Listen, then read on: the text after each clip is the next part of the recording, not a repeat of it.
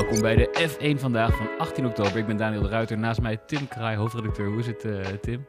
Goedemorgen, goed. Jij ook? Ja, gaat goed. goed. Uh, Gander is niet, zijn we met z'n tweetjes, hè? Ik denk dat Gander de, de app aan het uitproberen is. Ja, die heeft even een week uh, app, app tijd. Die was, zo, die was zo verheugd toen dat ding online kwam. Ja, mooi. Hey, laten we beginnen. In het nieuws duiken. Ja, je kent het. Het is F1 vandaag. Er is weer nieuws. Um, gaan we direct door op wat er eigenlijk wat we afgelopen maandag hebben besproken over uh, de machtsstrijd bij Red Bull en uh, wat er aan de hand is met Marco en Horner. Nu heeft uh, voormalig F1-coureur Ralf Schumacher daar nog eventjes schepje bovenop gedaan. Um, best wel markante uitspraken. Hij zegt van ik, heeft, ik heb iets meer inzicht in waarom die machtsstrijd er precies is tussen Horner en Red Bull. Het zou gaan om het al dan niet, de al dan niet verkoop van AlphaTauri. En daar kwam ook nog even iets bij um, over Max Verstappen, die uh, een voorkeur zou hebben voor de twee, een van de twee. Uh, laten we even beginnen bij het begin. Uh, ja. wat, wat, zegt hij over wat AlphaTauri is en hoe dat tussen Horner en Marco zit? Nou, kijk, we hebben het hier maandag natuurlijk over gehad. En toen was het nog een gerucht wat uit de Braziliaanse hoek kwam. ook Lobo, Luciano Burti, voormalig Formule 1-coureur. En dan denk je nog van, nou, dat, dat komt een beetje uit die Latijns-Amerikaanse hoek. Maar toen kwam diezelfde avond, volgens mij op maandagavond, kwam dat bericht van Ralf Schumacher naar buiten. Um, die inderdaad dus die situatie schetst. En dus eigenlijk volledig onderschrijft wat, wat eerder al verscheen in de Braziliaanse media. En inderdaad daar dan ook nog een schepje bovenop doet. Ja, daar schrok ik eigenlijk wel een beetje van. Aan de andere kant ga je het ook wel weer relativeren. Want je denkt wel van ja, Ralf Schumacher en Marco liggen elkaar totaal niet. Die hebben natuurlijk ook gebotst over Mick Schumacher. Want Marco zou die niet willen hebben bij Alfa Tauri, zeg maar. Mm. De Frans Toos wilde hem wel. Misschien Horner ook wel, dat weet ik niet. Um, maar die hebben daarover gebotst. Dus het zou kunnen zijn dat daar nog wat oud zeer bij Ralf Schumacher zit. Sowieso is die wel wat van de onhandige quotes in de media. Hè. Die, die heeft, wel eens wat uit, zeg maar. Ja, die heeft de carrière van zijn neefje ook wel aardig om zeep geholpen... met alle uitspraken over Gunther Steiner. Dus... Um, je moet altijd die vraagtekens bij hem stellen. Maar wat hij in ieder geval ook nog liet weten, en dat was ook te lezen uh, in, in, dat verhaal daarover, is ja, dat, dat Verstappen uh, echt niet zou dulden dat, uh, dat Marco eruit wordt gewerkt door Horner in dit geval. En dat Verstappen volgens Ralf eerder Horner eruit zou willen hebben dan ja. Marco. Ja, maar waarom zeg je toch als eerst van, je gaat toch, wat zei je nou? Je was het toch, het gaat toch iets meer, ook wordt gebruikt hier toen je last van, oké, okay, zoals maar gezegd, dit, dit komt nog bij de geruchten. Je zei, nou ja, het, het, gaat nu nog spannender. Of het wordt nu toch, ja, wat, wat bedoel je daarmee? Ja. Serieus, wat bedoel je daarmee? Vind je het echt nu geloofwaardiger ook daardoor? Nou ja, kijk, op het moment dat nieuws uit één hoek komt, kan je nog zeggen van ja, dit, dit wordt door bepaalde personen binnen dat team gestuurd. En kijk, omdat het uit de Latijns-Amerikaanse hoek komt, ik heb het ook veel in onze reacties gezien, um, ga je al snel denken aan de link Perez. Ja. En dat er vanuit dat kamp gewoon uh, wat negativiteit naar buiten wordt gewerkt om, wat, om voor disbalans te zorgen binnen het team. Um, dat kan je nog steeds zeggen van Ralf Schumacher ook, vind ik. Want Ralf Schumacher, Ralf Schumacher zoals gezegd, heeft misschien intern ook wel wat, wat gedoe gehad met Marco. Zijn neefje zit nu bij Mercedes, hè, dus hij zal nu dikke maakjes zijn met iedereen binnen Mercedes. Daar zit ook nog wel wat oud zeer. Dus kijk, weet je, um, op het moment dat een team aan de macht is, zal er altijd een spel worden gespeeld om ervoor te zorgen dat zo'n dominant team uit balans wordt gebracht. Ja. Uh, dat, dat is in het verleden ook gedaan met Ferrari, in het verleden ook gedaan met Mercedes. Dat wordt nu gedaan met Red Bull. En dat wordt in technische dingen gedaan, in technische reglementen. Zoals met de TD wordt dat dan heel erg toegeschoven. Oh, zie je wel, nu, nu presteert Red Bull niet in, uh, in Singapore. Nou, dat zijn zaken die je gewoon continu terug ziet komen als een team domineert. Dus daarom ben ik altijd wel een beetje argwanend als dat soort geruchten naar buiten komen over, in dit geval, Red Bull. Ja. Maar ja, op het moment dat er dan een tweede bron bij komt, wordt het al dat je denkt van, oh, wordt wat serieuzer. En ja, we gaan zo komen bij de hoofdrolspeler zelf. Op het moment dat die reageerde, toen dacht ik helemaal van, uh, oké, volgens mij is er echt wat aan de hand. Ja, ja exact. Want uh, Marco zegt het volgende. Ik lees ervoor, hij heeft gereageerd. Uh, deze week is er geen bijeenkomst. Ik heb contract tot eind volgend jaar. Wanneer en hoe ik stop, wanneer het voorbij is, bepaal ik en niet bijvoorbeeld meneer Horner. uh, door de nieuwe opbouw, na het overlijden van Red Bull oprichter Dietrich Mateschitz, uh, vorig jaar, is alles anders. Mensen proberen hun macht te herdefiniëren. Ja, en daar, daar zeggen we, dit is, hier nu is er echt iets aan de hand, zeg maar, als Marco op die manier reageert. Bedoel, in hoeverre is het, is het lost in translation dat hij ook echt meneer Horner Dat is natuurlijk wel een soort van vingertje, ja, hè? Nou, kijk, dat, dat zag ik natuurlijk eh, in de reacties van... ah ja, meneer Horner is helemaal verkeerd uitgelicht. Nou, Eén, dat zegt hij wel gewoon in het Duits. Nou, dat Ja. kan hij in het Duits misschien iets anders bedoelen dan in het Nederlands. Dus laten we die even laten lopen. Maar het feit dat hij het over die machtsdefiniëring heeft binnen Red Bull... en het voornaamste feit, want hetgeen... Het, het gaat mij er in dit geval nog meer om wat hij niet zegt... dan wat hij wel zegt. Want wat zegt hij niet? Hij ontkent het niet. Hij erkent zelfs dat er, dat er macht wordt geherdefinieerd. Ja, ja, ja exact. En hij benoemt sterker nog dat dat, en misschien neemt hij Horner als voorbeeld, maar zij besluiten niet over mijn toekomst bij Red Bull. Of iemand anders besluit niet over mijn toekomst bij Red Bull. Oftewel, en, en nergens zit daar een ontkenning in. En ehm, ja, dan, dan gaan bij mij wel alarmbellen af waarvan ik denk van oké, dit, dit, deze quote van Marco stelt mij niet gerust in de zin van oh, het, het zit allemaal wel goed binnen, binnen Red Bull. Dat, dat geloof ik op dit moment niet.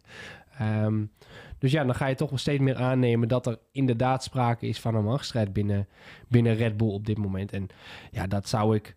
ehm, ik, ik denk dat dat wel een. eh, nou, misschien is het wat overdreven, maar wel een redelijke ramp is voor Red Bull als team. eh, voor Verstappen als coureur, voor de Nederlandse Ja. fans. Want heel simpel, op het moment dat er zo'n machtswisseling is binnen een team. Zo. ik word er helemaal emotioneel van. Eh, op het moment dat er je aan het hart. Ja. ja. op het moment dat er sprake is van zo'n machtsstrijd binnen een team, dat gaat altijd, maar dan ook altijd ten koste van de prestatie op de baan. En misschien niet volgend jaar, want je hebt een megawagen staan en die zal het volgend jaar ook nog wel Maar vooral doen. nu het zo belangrijk is om naar die toekomst te kijken. Om die 2026, om die, eh, dit, ja, die, je hebt nu die eh, dominantie vast als Red Bull.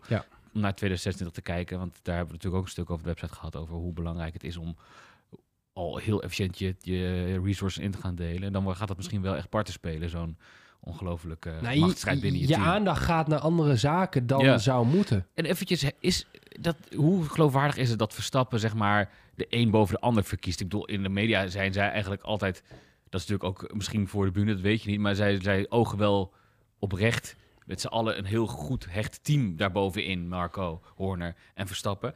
Eh, in hoeverre kunnen we echt voorstellen dat Verstappen zich daar echt op de bres zou springen voor Marco? En ook, is Verstappen niet juist het persoon die die dingen buiten de media kan houden en zich kan blijven focussen op een race? Eh, dat, dat laatste zeker. Ehm, kijk, ik weet niet in hoeverre... Kijk, dat hangt er helemaal vanaf hoe dat uiteindelijk eruit ge- uitgespeeld zal worden. Kijk, op het moment dat dit echt tot een hele nare strijd wordt... waarin het echt twee kampen worden... ja, dan, dan zie ik Verstappen wel eerder kiezen voor kant Marco. Waarom? Omdat Marco gewoon echt een vaderfiguur voor hem is. Marco heeft hem die kans gegeven bij Toro Rosso. Heeft hem die kans gegeven bij Red Bull Racing. Dat is niet Horner geweest. En hoewel ook de band met Horner gewoon prima is. Dat daar echt niks... Nee. Daar hoef je echt niet te denken dat, dat Verstappen en Horner nu, nu ook ruzie hebben. Ehm, maar op het moment dat echt op die manier uitgespeeld zal worden... Ja, gaat dat, gaat dat Red Bull hoe dan ook schaden. Want, want er zijn mensen die aan de kant van Horner zullen staan. Er zullen mensen die aan de kant van Marco zullen staan. Dus ik, ik hoop meer dat er gewoon naartoe gaat dat Marco misschien met pensioen gaat... of gewoon een stap terug doet. Want eh, hoeveel die man ook heeft betekend... moet je wel je vraagtekens gaan hebben bij... eh, bij de, de macht die jij heeft over beide teams. En ik denk dat dat nooit helemaal gezond is voor een organisatie. Dat één man van ondertussen eh, 80 plus bepaalt welke coureurs er in die beide Ja. wagens zitten. En bepaalt welke coureurs er voor het Formule 2 en Formule 3 en Formule 4 project worden Want de aangetrokken. facto, ik heb het ook met uh, Roquelin en zo, maar de facto is hij de man die, daar, eh, die dat bepaalt. Nou ja, nog steeds. Kijk, dat zie je met de coureurs natuurlijk ook. Daar is onvrede nu over. Eh Horner wil meer macht. Voornamelijk over dus wat er met een Alfa Tauri gebeurt. Maar ook wat er met coureurs gebeurt. Want hij wil gewoon Perez eruit kunnen knikkeren als hij dat wil. Ja. En hij wil dat bij Alfa Tauri eh, goede coureurs worden neergezet. En niet, niet Tsunoda omdat die nog banden heeft met Honda. Oké, dan, eh, dan gaan we door. Ehm, naar Mick Schumacher, die gaat eh, testen met Alpine in het Endurance project. Hè? Dus niet Formule 1. Eh, wat, wat, wat, wat zegt dit? Ik bedoel, wat weten we van die test? Dat is nu officieel, maar wat zegt dit voor de toekomst van, van Schumacher? Er is er een weg ingeslagen. Kan ik het zo lezen? Kijk, eh, het punt voornamelijk is natuurlijk één... Voor Schumacher is mooi dat hij, dat hij een test krijgt aangeboden. Alpine gaat volgend jaar eh, met de hypercars meedoen in, in het WEC... En, eh, en meedoen dus ook aan Le Mans. Dus dat Mick Schumacher daar een kans krijgt. is prima. Want op dit moment lijkt het er niet op dat hij voor 2024 een Formule 1 zitje heeft. De enige kans zou nog Williams kunnen zijn, maar ja, dan moet Logan Sargent hem nog een paar keer in de muur zetten. Nee, dat zou Eh, zomaar en dan kunnen. nog is het maar de vraag of Mick Schumacher dan de kans krijgt en niet een Lawson bijvoorbeeld. Ja. Eh, maar zijn kansen zijn niet heel groot. Dus ja, hij zal voor volgend jaar toch gaan kijken waar hij kan gaan racen. Want twee jaar op een rij niet, niet racen is gewoon niet mogelijk. Hè, dat, dat, dat schaadt echt je carrière. Dus ik snap best dat hij daarvoor gaat testen. Mooi dat Alpine daar ook de kans voor geeft. Aan de andere kant, bij dit soort berichten... eh, denk ik bij Alpine toch altijd weer van... waarom hebben jullie in hemelsnaam een juniorenteam? Mhm. Ik, ik, ik kan er gewoon met mijn pet niet bij. Hè, hoe, hoe ze Oscar Piastri hebben behandeld, daar hebben we het al vaak genoeg over gehad. Maar ik heb bijvoorbeeld Jack Doohan gesproken in, ehm, in Qatar eh, vorig weekend. Twee weken, twee weken terug. Ja, ja, ondertussen. Ehm, weet je, die zegt ook van ja, teams moeten jongens zoals ons ook gewoon meer een kans geven. En kijk, je, ziet wel aan een Piastri, het kan wel als jongens de snelheid hebben. En ik zeg niet dat je een Doen de kans moet geven. Maar waarom krijgt zo'n Schumacher de kans? Nee. Waarom mag een Doen niet testen? Waarom, eh, ze, ze hebben er nog een paar. Hè. Ze hebben ook, ehm, nou kom ik niet op zijn naam. Ze hebben er nu twee in de Formule 2 rijden. Nou, komen we zo nog wel op. ja. Oh, wat irritant dit. Ja, ik, Nou, we komen zo niet wel. aan te kijken voor, Ja, de, voor, nee. de Alpine, voor de Alpine jeugd. Nee, maar ze, Eh, Kijk, ze hebben een paar talenten daar rondrijden. En kijk, ik vind gewoon op dit moment dat, dat een Alpine gewoon te weinig doet met, met de talenten die ze hebben. Maar ja, is, is, al- heeft Alpine zichzelf ook niet een kle- klein beetje lam gelegd door, doordat ze lam gelegd in hoeverre ze dat zelf hebben gedaan. Hoeveel plek hebben zij in Formule 1? Ze hebben in principe hun Al- Alpine F1-team. Je kan straks vijf gasten gaan opleiden, heel veel kansen geven. Straks zijn ze helemaal klaar voor de Formule 1. Waar moeten ze heen? Je kan niet vijf man in één Alpine-team gooien. En ze hebben ook niet echt een soort surrogaatteam of een klantenteam waar ze mensen kunnen plaatsen. Wat natuurlijk wat voordeel is van andere teams weer. Victor Martens was de naam die ik zocht. Victor Martins, oké. Nou ik- heb ondertussen wel geluisterd. Ja. Eh, nou, ja, kijk, dat, dat, en dat, dat heb ik al wel eh, een aantal keren ook opgeschreven op de website, eh, zoals je weet. Ik, zolang dat plan niet gestroomlijnd is en je maakt geen plek in je eigen team. Kijk, zoals McLaren, die hebben gewoon ballen getoond. En die hebben gewoon alles gedaan om die Oscar Piastri in de wagen te zetten. En dat betaalt zich nu uit. Want Ja. het is gewoon een hele snelle coureur. En als een coureur snel is, laat hij dat direct zien. Alpine heeft dat niet gedurfd. Nou, dan zit je nu met twee B-acteurs opgescheept. Ehm, ja, en, en voor die geldt ook, weet je, zo'n Jack Doohan. Ja, misschien gaat hij in zijn eerste seizoen niet geweldig zijn. Victor Martin, misschien gaat hij in Ja. zijn eerste seizoen niet geweldig zijn. Maar je moet een plek hebben waar je ze dan wel gaat Ja, stallen... precies. als je ze niet in je hoofdteam wil zetten in het eerste jaar. Maar ik wil zeggen, dat is dan de vraag, want ehm, je noemt ze B-acteurs. Ik bedoel, zou je dan op den duur, inderdaad gaat het dan om, toon wat lef, toon, maak die, die risicovolle stap misschien en zet Gasly en Ocon eruit, om juist een keer de kans te geven aan zo'n rookie die je in je, in kijk, je, in je arsenaal hebt zitten. Maar goed, dat, dat is er misschien iets te diep op ingaan. Maar ze hebben zichzelf natuurlijk volledig in de voet geschoten... door Ocon toen de tijd zo'n lang contract te geven. ja, Eh, waardoor ze en Alonso een kort contract wilden geven... en Piastri eerst wilde stallen bij Williams. Ja, nu met terugwerkende kracht. Ja, met alle respect. Fernando Alonso had je een, een kopman echt van wereldklasse. Dat zie je nu ook weer bij Aston Martin. Vele malen beter dan Ocon en Gasly. Mhm. En Piastri, rookie seizoen, zit gewoon op de hielen van Norris. Nou, die, dan kan je mij niet wijsmaken dat hij het niet beter doet dan, dan een Gasly nu in zijn eerste jaar bij Alpine. Om jouw betoog nog even kracht bij te zetten, eh, die, wat je aan het begin zei, ook Vettel wordt genoemd bij Alpine. Ja. Weet je, van, kies dan een, een junior. Nee, Vettel, gewoon uh, viermalig wereldkampioen. Lekker grote naam in die auto zetten. We, we gaan door, want uh, we, vliegen er, we vliegen er niet doorheen. we hebben ook nog een, een, een preview op de USA, maar eerst nog even dit nieuws. Uh, ik zag verschijnen Verstappen achter Hamilton op lijst marketingwaarde. Gaat het over sporters volgens mij. Dat is onderzoek van uh, Media. Ja, ja. Exact. Uh, die die ranken gewoon de, globally de, over de hele wereld sporters en hun marketingwaarde.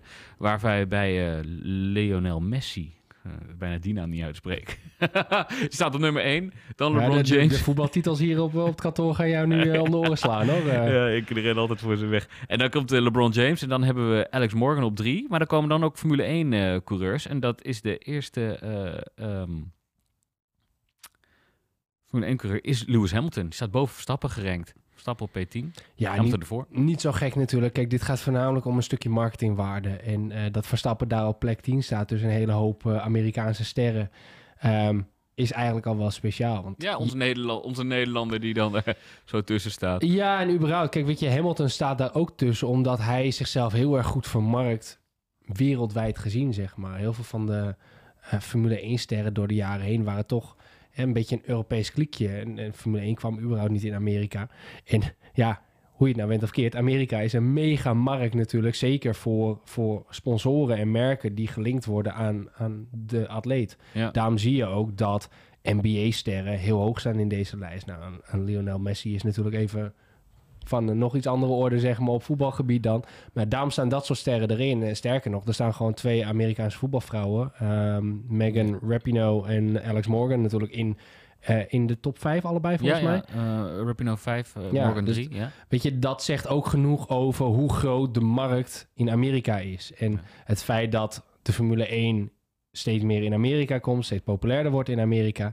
en het feit dat Verstappen als sporter en als atleet gewoon wereldwijd echt bekend is nu door, door wie hij is en hoe hij doet. Hè, de, de uitgesproken manier van Ja. zichzelf presenteren. Ja, dat maakt hem zo waardevol. Maar goed, ik snap wel dat... Kijk, weet je, eh, Hamilton is gelinkt aan allerlei... eh, de, de Prada's en Tommy Hilfigers van deze wereld. En loopt natuurlijk ook wel eens een fashion show. Die zit er ook buiten, buiten profileert zich ook heel erg buiten de, eh, buiten de sportwereld. Dus dat die nog iets hoger staat, dat kan ik op die manier wel begrijpen. Maar ik zag in de, in de volledige lijst dat Verstappen al 23 plekken was gestegen... vergeleken met vorig jaar. Dus Ja, het gaat hard. Ja, Gaat hard. ja die, die komt nog wel een heel stuk eh, verder omhoog, denk ik. Maar je drievoudig wereldkampioen. Ik bedoel, eh, je wordt op rij. Ik bedoel, je bent nu een heerser. Je hebt heersen, de- hij zet een hegemonie neer. Ik bedoel, hij, hij is de koning van het moment. Ehm, in de sport, in de autosport. Eh, laten we er maar doorgaan. We hadden het eventjes over marketingwaarde in Amerika. We gaan naar Amerika toe. ehm, waar sporters tot cultstatus verheven kunnen worden, sport zelf. Eh, naar Kota, dat is wel mooi, hè? Dus ik vind dat altijd wel leuk. Eerste bocht, geweldig. En om, omhoog met z'n allen. ehm, ik zit vooral te bedenken... zal Daniel Ricciardo weer te paard op de paddock komen? Ja, dat is altijd een beetje schamertje, of Oh, niet? dat Dat, vond ik- ja. Dat vond toen zo'n verschrikking. Ik, werd- ik werd toen volledig afgemaakt in de comments. En dat zal me ook verder allemaal worst wezen. Maar die kwam toen in dat laatste seizoen dat hij met McLaren reed... dat hij volledig om de oren werd gereden. Een jaar lang door Norris. Was, was de u- contract al ontbonden Ja, toen? nee, eh, was dat toen? Ja, ik geloof het wel. Hij, dan, en hij kwam gewoon pontificaal met zo'n paard de paddock op. Ja, dan denk ik, dan heb je echt een bord voor je kop. Ja, aan de andere kant valt het te prijs dat hij altijd zichzelf blijft en gewoon doet wat hij leuk vindt. Maar je denkt af en toe wel van, ja, je bent daar als Ja. sporter. En dan, ja, nou goed, maar goed, dat, dat soort eh, tafereelen zullen we wel, wel, wel weer meer zien dit weekend. Dat denk ik ook wel. Hey, eventjes voordat we naar deze, dit weekend gaan, komend weekend. Vorig, vorig jaar, ehm, kan je nog herinneren, dat was eh, die crash met Alonso en Stroll. Dat, eh, Ja. eh, Toen waren ze nog geen teamgenoten. Maar eh, Alonso ging airborne. Dat was echt bijna helemaal de lucht in. Hè? Dat was een flink. Ik, ik lang, niet, lang niet gezien, zeg maar, dat iemand echt zo goed de lucht in ging. Nou, dat was zo'n lekker strol, eh, strolmomentje. Een strommomentje Ik inderdaad. vond wel eh, Pieter Windsor, eh, zat ik zijn livestream te, te luisteren. En die had het erover dat... kijk, Stroll werd nu natuurlijk onderzocht va- vanwege zijn gedrag na het Grand Prix weekend. Of heel van na, na die kwalificatie. Eh, hij zegt ja, het is eigenlijk bezopen dat hij voor zoiets wordt onderzocht. Maar met die achterlijke actie met, eh, met Alonso op het rechte stuk... Niks gebeurd. ging hij vrij uit. Weet je, dat je denkt van ja, weet je, het gaat natuurlijk helemaal nergens over. Ja, eh, dan, dan nog even. Vorig jaar Verstappen slechte pitstop. Toen kwam hij toch terug. Net Hamilton met 500 of zo te pakken. Toen hadden ze met Perez op VP4. Toevallig heb ik er gisteren een stukje over geschreven dat ik het allemaal paraat heb. Ik merk het. Ehm volgens eigenlijk was een mooi race. Toen pakte zij de constructeurstitel sinds eh, 2013 weer. ja, en het weekend dat, eh dat Ja. Didi natuurlijk was, eh, was overleden. Mooi weekend. Ja. Ja, eh, nou ja, nu, nu zijn ze al binnen. eh, allebei de titels. Eh, maar we gaan even kijken naar het weekend. Ehm, kanshebbers. Eh, ja, ik zeg, zou Haas nu een grotere kanshebber zijn... omdat zij met een heel groot upgrade pakket komen... en een eh, mooie livery. Nou, ze hebben in ieder geval kosten nog moeite gespaard om de druk op te voeren voor dit weekend, laat ik het zo zeggen. Kijk, Ja. Haas rijdt natuurlijk een, een, een kansloos seizoen. In het begin van het jaar nog wel een paar keer in de buurt van de punten. Maar heel snel bergafwaarts gegaan. Eh, vooral de race pace is dramatisch. Ehm, maar eigenlijk vanaf, eh, nou nog net niet Monaco, roepen ze al dat ze met een grote update gaan komen in Amerika. Ja. Het is bezopen dat dat zo lang moet duren. Ja, dan een hele grote up- upgrade pakket. Nou ja, en, en dat downplayen ze dan ook wel weer. Want het zou dan niet voornamelijk om performance gaan. Maar goed, dat, dat was gisteren ook op de website te lezen van, van Steiner. Die aangeeft dat ze voornamelijk gewoon een compleet ander concept pakken. Dus ze gaan wat meer de Red Bull kant op. Ehm, dus hopelijk minder bandenslijtage, uh, maar niet per se meer performance over één ronde. Dus ja, we moeten maar zien of het ook daadwerkelijk in punten gaat resulteren. Maar je mag toch hopen van wel als je gewoon een half jaar wacht op deze update. En, en een half jaar lang elk raceweekend zegt van... ja, nee, maar in Amerika gaat het gebeuren.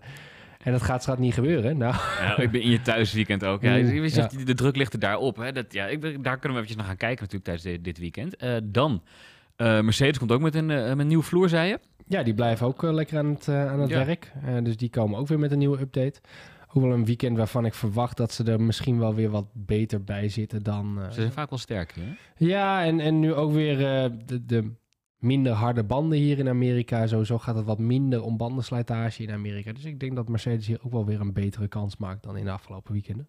Dus uh, ja, met een nieuwe vloer, altijd even afwachten. Het, is wel lastig om het in zo'n weekend te testen waarin je zo'n sprint weekend format hebt. Want je hebt maar één vrije training om het te testen. Exact. Hey, um, dan over dat uh, Mercedes goed gaat, zou Hamilton goed gaan. Um, dan is dat heel belangrijk voor hem voor het uh, coureurskampioenschap. En dat zou is even cruciaal, of misschien wel crucialer voor uh, meneer Perez, meester Perez van Red Bull Racing. Die moet tweede worden. Ja, dat is natuurlijk het ultimatum wat dat zou is zijn wat, wat er boven zijn hoofd hangt en waar we mee begonnen deze uitzending. die machtsstrijd, dat heeft ook weerslag op het plekje van Perez.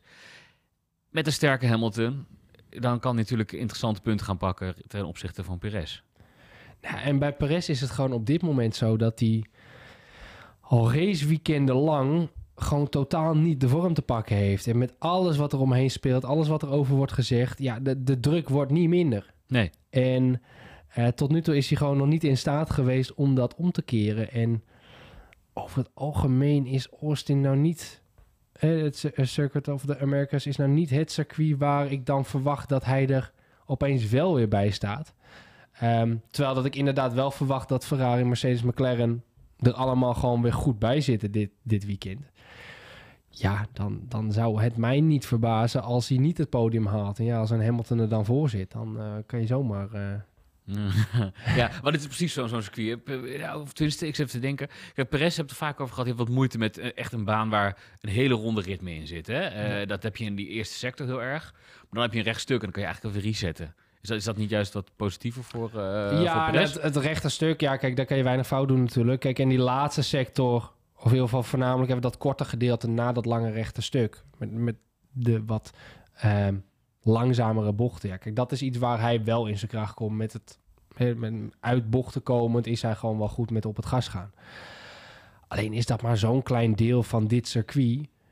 Ja, dat hij het over een hele ronde toch echt weer flink zal gaan afleggen ten opzichte van Verstappen. Zeker in de vorm waarin hij verkeert. Verstappen bedoel ik dan in dit geval. Ja, ja dan zou ik er niet vreemd van opkijken als het verschil weer uh, 5 tot 17e is in de kwalificatie.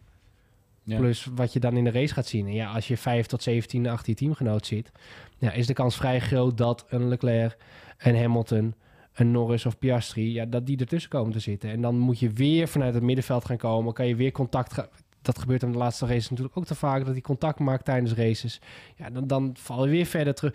Weet je, ja, nee, dus uh, ik denk het ook hoor. Als je het zo zegt, uh, dat een podium voor Perez nog echt uh, een lastige kwij wordt. dan, wie wel? Nou, we hadden het over Mercedes gehad. Waarom McLaren en Ferrari dan?